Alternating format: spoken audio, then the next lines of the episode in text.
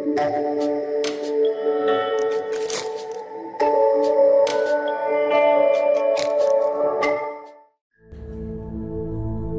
kabar saudara terkasih? Sungguh sangat berbahagia bisa berjumpa dengan Anda dan salam sejahtera buat Anda semua di mana pun tayangan church online kami bisa Anda tangkap dan bisa Anda lihat. Saya sungguh bersyukur bahwa hari-hari ini kita semuanya tetap dalam keadaan sehat, aman, dalam perlindungan Tuhan. Saya ingin menyampaikan satu pesan. Kalau saudara suka dengan sebuah judul khotbah, saya beri nama Forward Looking. Forward looking atau melihat ke depan. Kata forward looking dalam Oxford English Dictionary diterjemahkan sebagai favoring innovation and development and progressive. Artinya bahwa kesukaan untuk selalu berinovasi dan mengembangkan sesuatu forward looking. Ketika melihat sesuatu, maka pikiran menjadi terbuka untuk berkreasi, berkreativitas, dan mengembangkan sesuatu dan mencapai progres, tahapan yang lebih baik. Itu adalah arti kata dari forward looking.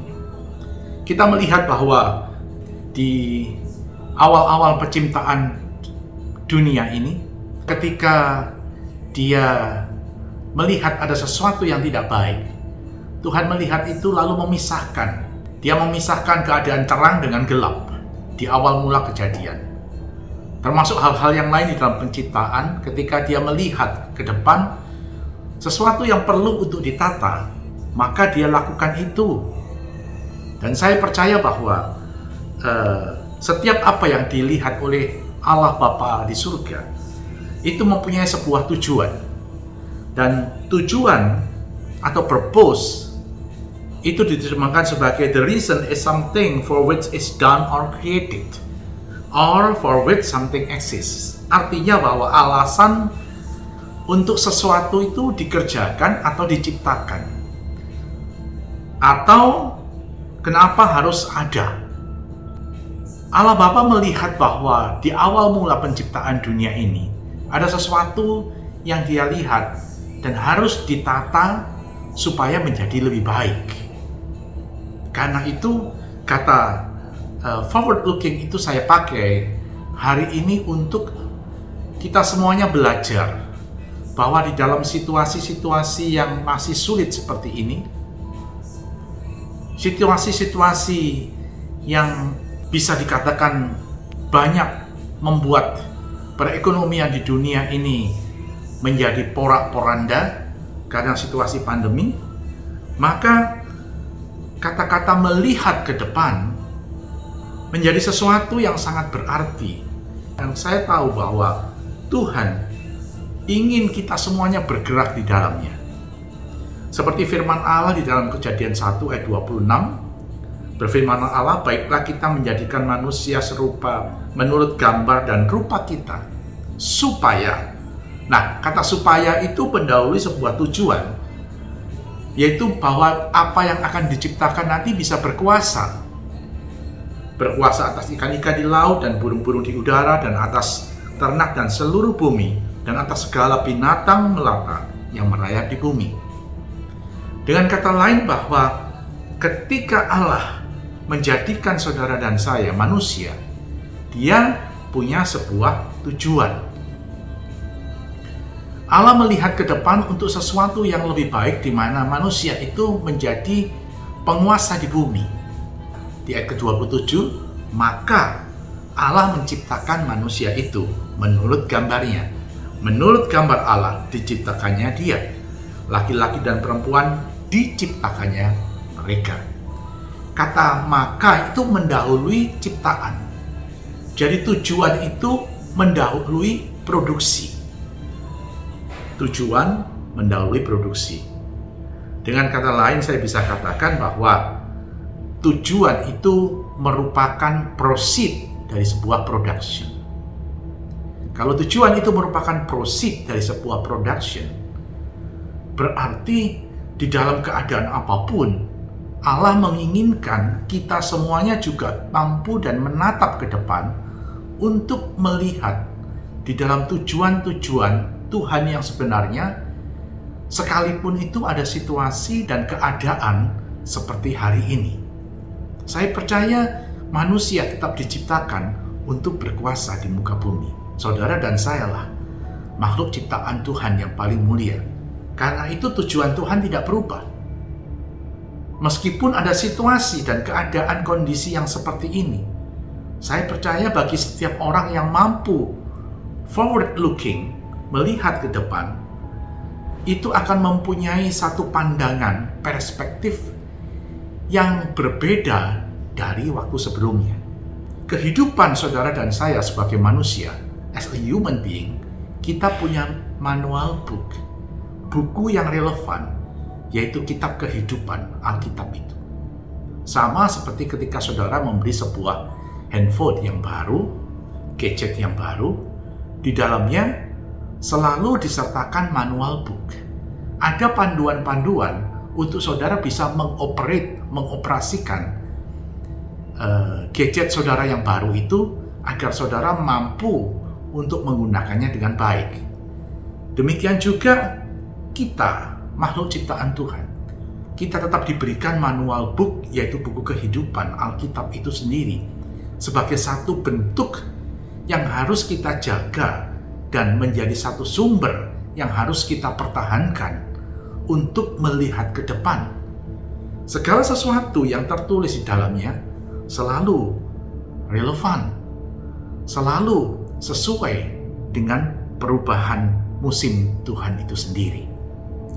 Karena itu saya ingin membagi uh, apa yang saya sampaikan tentang forward looking pada kesempatan ini menjadi tiga bagian penting untuk saudara dan saya melihat kepada sesuatu yang ada di depan kita. Hari-hari ini adalah dunia dengan persaingan global yang semakin tajam di dalam keadaan pandemi sekalipun percepatan dan perubahan itu terjadi dengan luar biasa. Di dalam arti kata forward looking itu terselip satu kata innovation atau inovasi. Apakah arti kata innovation itu sendiri? Kata innovation itu dalam Oxford English Dictionary diartikan sebagai the action or process of innovating.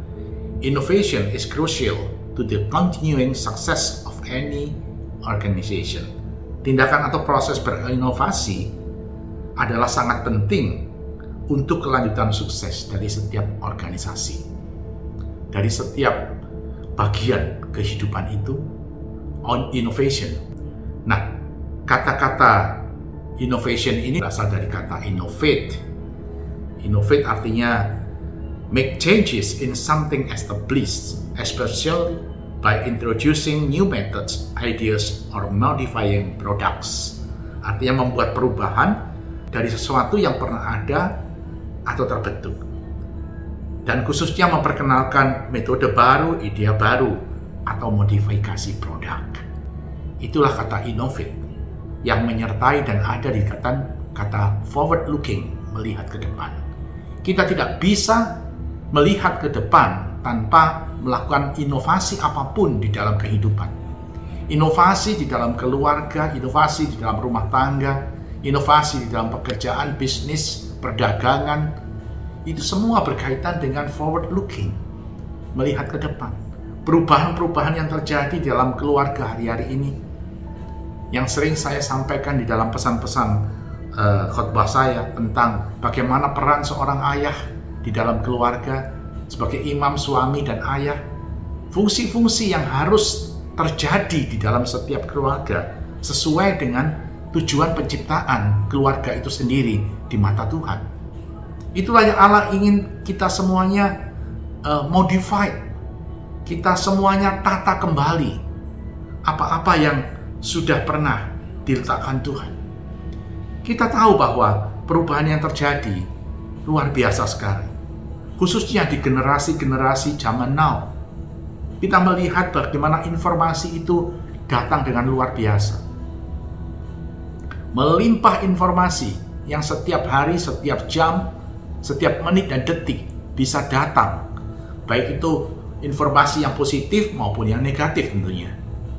Kita semuanya tahu bahwa dari zaman dahulu ketika generasi kita yang lalu, informasi itu kebanyakan datang dari satu arah, yaitu dari orang tua kita atau guru yang mendidik kita. Tapi sekarang, keterbukaan informasi itu terbuka. Begitu besar, termasuk kesempatan untuk proses belajar dan mengajar. Dalam situasi yang pandemi ini, berbeda dengan zaman yang kemarin. Kalau zaman yang kemarin, maka situasi tatap muka dalam ruang pengajaran antara guru murid, dosen dengan mahasiswa itu menjadi sesuatu yang memang rutin dikerjakan dan itulah satu-satunya cara. Tetapi hari ini kita melihat bahwa tanpa bertatap muka maka bersekolah secara online itu masih bisa dikerjakan dan sudah setahun lewat tatap muka itu tidak ada murid-murid mahasiswa mengerjakannya semua secara online. Itulah perubahan percepatan yang terjadi, perubahan dan percepatan yang terjadi di sekitar kita. Nah, bagaimana dengan tantangan gereja hari ini atau tantangan gereja masa kini atau ministry zaman ini? Bagaimana gereja tetap bisa memimpin, tetap bisa memuridkan generasi sesuai dengan zaman-zaman sekarang ini? sesuai dengan apa yang terjadi perubahan di masa seperti ini. Kalau kita kembali kepada firman dasar daripada segala sesuatu, dalam Matius 5 ayat 16 dikatakan demikianlah hendaknya terangmu bercahaya di depan semua orang supaya mereka melihat perbuatanmu yang baik dan memuliakan Bapamu yang di surga. Kata baik di situ yang artinya kalos, artinya satu uh, level atau tatanan baik yang berjenjang, baik, lebih baik, beautiful sampai excellent. Di mana di dalamnya terkandung spirit kita bahwa kita akan selalu melakukan sesuatu yang lebih baik dari sebelumnya. Artinya Tuhan mengajar kita untuk melihat ke depan, tapi tidak menoleh ke belakang. Karena yang lama sudah berlalu dan yang baru itu sudah tiba, kata Rasul Paulus. Karena itu kita tahu bahwa kata baik itu menimbulkan sesuatu imajinasi, mendatangkan imajinasi di dalam spirit kita untuk kita menjadi lebih baik dari sebelumnya. Kemauan atau kemampuan yang Tuhan berikan, dua-dua kemauan dan kemampuan itu melengkapi segala sesuatu yang ada di dalam imajinasi kita. Sehingga kita bisa forward looking, saya mengutip apa yang dikatakan oleh Albert Einstein yang mengatakan logic will get you from A to B. Imagination will take you everywhere. Logika akan membawa kita dari A ke B, logika. Tetapi imajinasi akan membawa Anda ke semua tempat, ke berbagai tempat. Nah, itulah apa yang dikatakan oleh Albert Einstein ini tidak jauh dari apa yang Tuhan firmankan di dalam kejadian 11 ayat 6 kalau kita bisa melihat dikatakan bahwa mereka ini suatu bangsa dengan satu bahasa untuk semuanya. Ini barulah permulaan usaha mereka. Mulai dari sekarang, apa pun juga yang mereka rencanakan, tidak ada yang tidak akan dapat terlaksana. Garis bawahi kata apa pun juga yang mereka rencanakan. Segala yang mereka rencanakan akan dapat terlaksana. Apa yang saudara pikirkan, apa yang saudara imajinasikan, bayangkan akan dapat terlaksana. Itulah sesuatu yang melengkapi kuasa yang Tuhan berikan kepada saudara dan saya. Beyond our limitation, melampaui segala keterbatasan kita. Maka dia menaruhkan imajinasi itu untuk manusia, yaitu Anda dan saya, mampu untuk mengerjakannya. Nah, kata inovasi ini juga muncul karena adanya kebutuhan. Kebutuhan untuk merubah sebuah tatanan. Hal-hal yang sederhana yang bisa kita lihat adalah tentang minuman, Apa yang saudara minum di warteg misalnya, es teh, saudara juga bisa minum es teh, es tea itu di hotel-hotel berbintang. Dengan kondisi yang berbeda, tetapi dari subjek yang sama. Tentunya berbeda dari sektor harga di situ. Itulah hal-hal yang membuat inovasi itu terus bergulir. Di dalam setiap kesempatan dan keadaan yang sulit sekalipun, seperti hari ini maka kata itu menjadi sesuatu yang penting untuk tersimpan di dalam diri kita. Sehingga melalui apa yang saudara pikirkan dan bayangkan itu, imajinasi itu turun untuk kemudian kita bisa melakukannya dalam tindakan atau melaksanakan hal itu. Poin yang kedua itu adalah execution. Execution adalah mengerjakan sesuatu yang sesuai dengan talenta yang saudara dan saya miliki. Ada sebuah ayat yang penting di dalam Matius 25 ayat 24 dan 29. Mungkin bisa ditampilkan di dalam terjemahan bahasa Indonesia. Saya coba untuk membagikannya di dalam terjemahan The Message Bible. Saudara Matius 25 ayat 24 dan sampai 29 ayat 24 mungkin saya akan baca lompat-lompat The servant given 1000 said, Master, I know you have high standard and hate careless ways, that you demand the best and make no allowances for error. Hamba yang diberikan seribu itu dalam the message dituliskan seribu satu talenta mengatakan Tuhan Aku tahu engkau mempunyai standar yang tinggi dan engkau sangat membenci hal-hal yang ceroboh. That you demand the best. Engkau selalu mengharapkan yang terbaik. And no allowances for error. Dan tidak memberikan ruang buat kesalahan. Kata orang atau kata hamba yang punya satu talenta itu. I was afraid I might disappoint you. Aku khawatir aku telah mengecewakan kamu. So I found a good hiding place. Jadi aku telah menemukan sebuah tempat untuk menyembunyikan and secured your money dan mengamankan uang. Here it is, ini, safe and sound down to the last cent. Aman dan tidak ada yang kurang satu sen pun. 26. The master was furious. Tuannya itu sangat kecewa. That's terrible way to live. Ini adalah kehidupan yang konyol It's criminal to live cautiously like that. Ya, saya tidak perlu terjemahkan ini. If you knew I was after the best, kalau engkau tahu bahwa aku selalu menginginkan yang terbaik, why did you do less than the least? Kenapa engkau tidak mengerjakan sedikit pun saja dari hal tersebut? 27. The least you could have done. Hal yang terkecil yang kamu bisa lakukan. Would have been to invest the sum with the bankers. Kamu bisa menginvestasikan itu sejumlah itu di bank maksudnya. Where at last I would have gotten a little interest. Yang pada akhirnya aku bisa menikmati sedikit bunga dari hasilnya. Jadi menaruhnya dalam deposito maksudnya ayat 28 dan 29 take the thousand and give it to the one who risk it the most ambillah yang seribu itu yang satu talenta berikan kepada orang yang paling berani mengambil risiko. And get rid of this play it safe. Dan usir orang yang hanya mau bermain aman. Who won't go out on a limb. Yang tidak pernah berani mengambil risiko. Saudara, inilah perkataan perumpamaan yang diucapkan oleh Tuhan Yesus sendiri.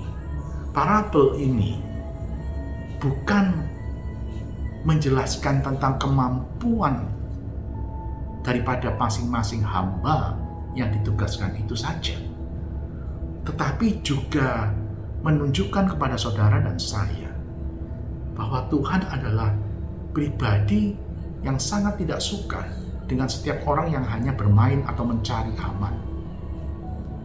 Seseorang yang diberikan talenta tetapi tidak mau mengerjakan, sekalipun dia hanya punya satu talenta, maka dikatakan ambil itu daripadanya. Berikan kepada orang yang paling berani mengambil risiko. Yang punya lima talenta dan kemudian mengerjakan lima talenta itu juga. Dan yang paling paling bisa dikatakan keras sekali. Perumpamaan ini berkata, dan usir hamba itu. Dikatakan, and get rid of this play it safe. Usir hamba yang hanya mau mencari aman atau bermain aman. Ternyata Tuhan kita tidak suka dengan orang yang play it safe.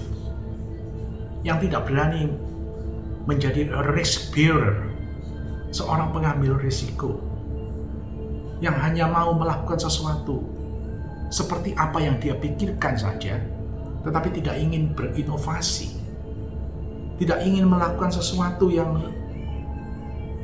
lebih baik lagi untuk mengerjakan talenta yang dipercayakan. Execution bicara tentang tindakan. Setiap hal yang saudara dan saya sudah kerjakan, apakah itu memberikan kepada kita sebuah wujud nyata daripada apa yang Tuhan sudah percayakan kepada saudara atau tidak. Kalau itu yang saudara lakukan, maka saudara akan melihat bahwa kita termasuk bukan golongan orang yang bermain play it safe. Tapi saudara dan saya menjadi pribadi-pribadi yang berani mengambil risiko di dalam situasi yang sulit sekalipun untuk mengerjakan tanggung jawab yang dipercayakan. Yang ketiga adalah completion, penyelesaian. Bukan hanya imagination, bukan hanya innovation, execution, tapi juga completion. Alkitab memberikan contoh kepada kita bagaimana seorang Paulus menghasilkan Timotius. Elia menghasilkan Elisa. Pribadi-pribadi yang mengerjakan tanggung jawab lebih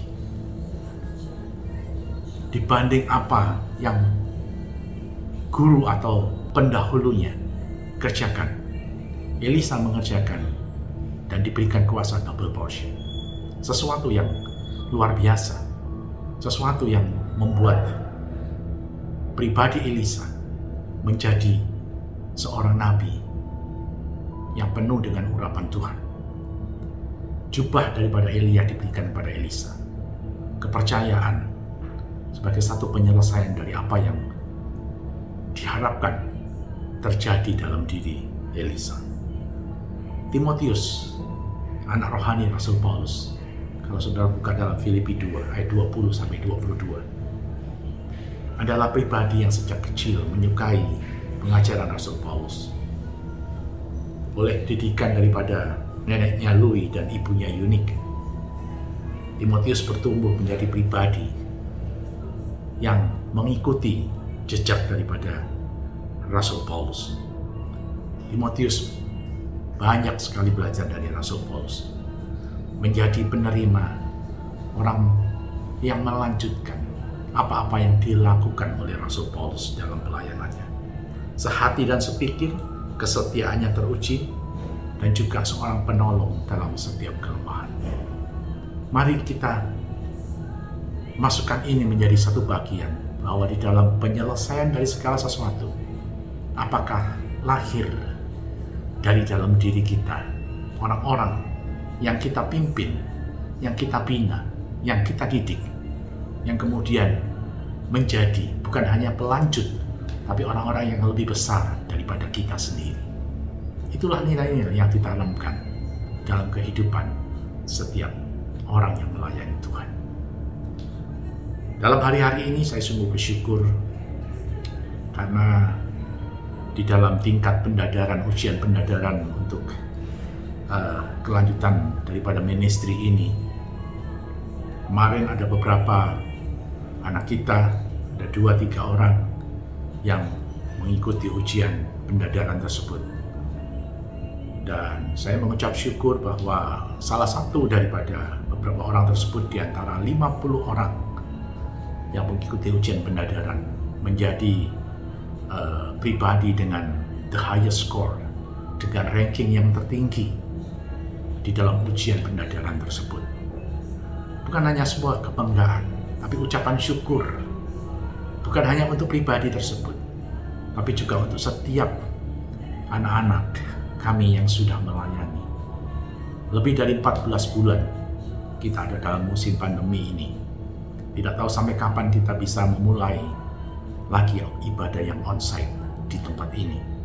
Tapi sampai hari ini tidak ada satupun yang terlewatkan. Setiap minggu kita melakukan ibadah online. Dan semua hasil kerja keras yang luar biasa. Suatu apresiasi saya berikan kepada semua yang melayani sampai dengan hari ini. Tanpa lelah, tanpa putus asa, terus berinovasi, terus bereksperimen, terus ingin menghasilkan sebuah hasil church online yang semakin hari semakin indah.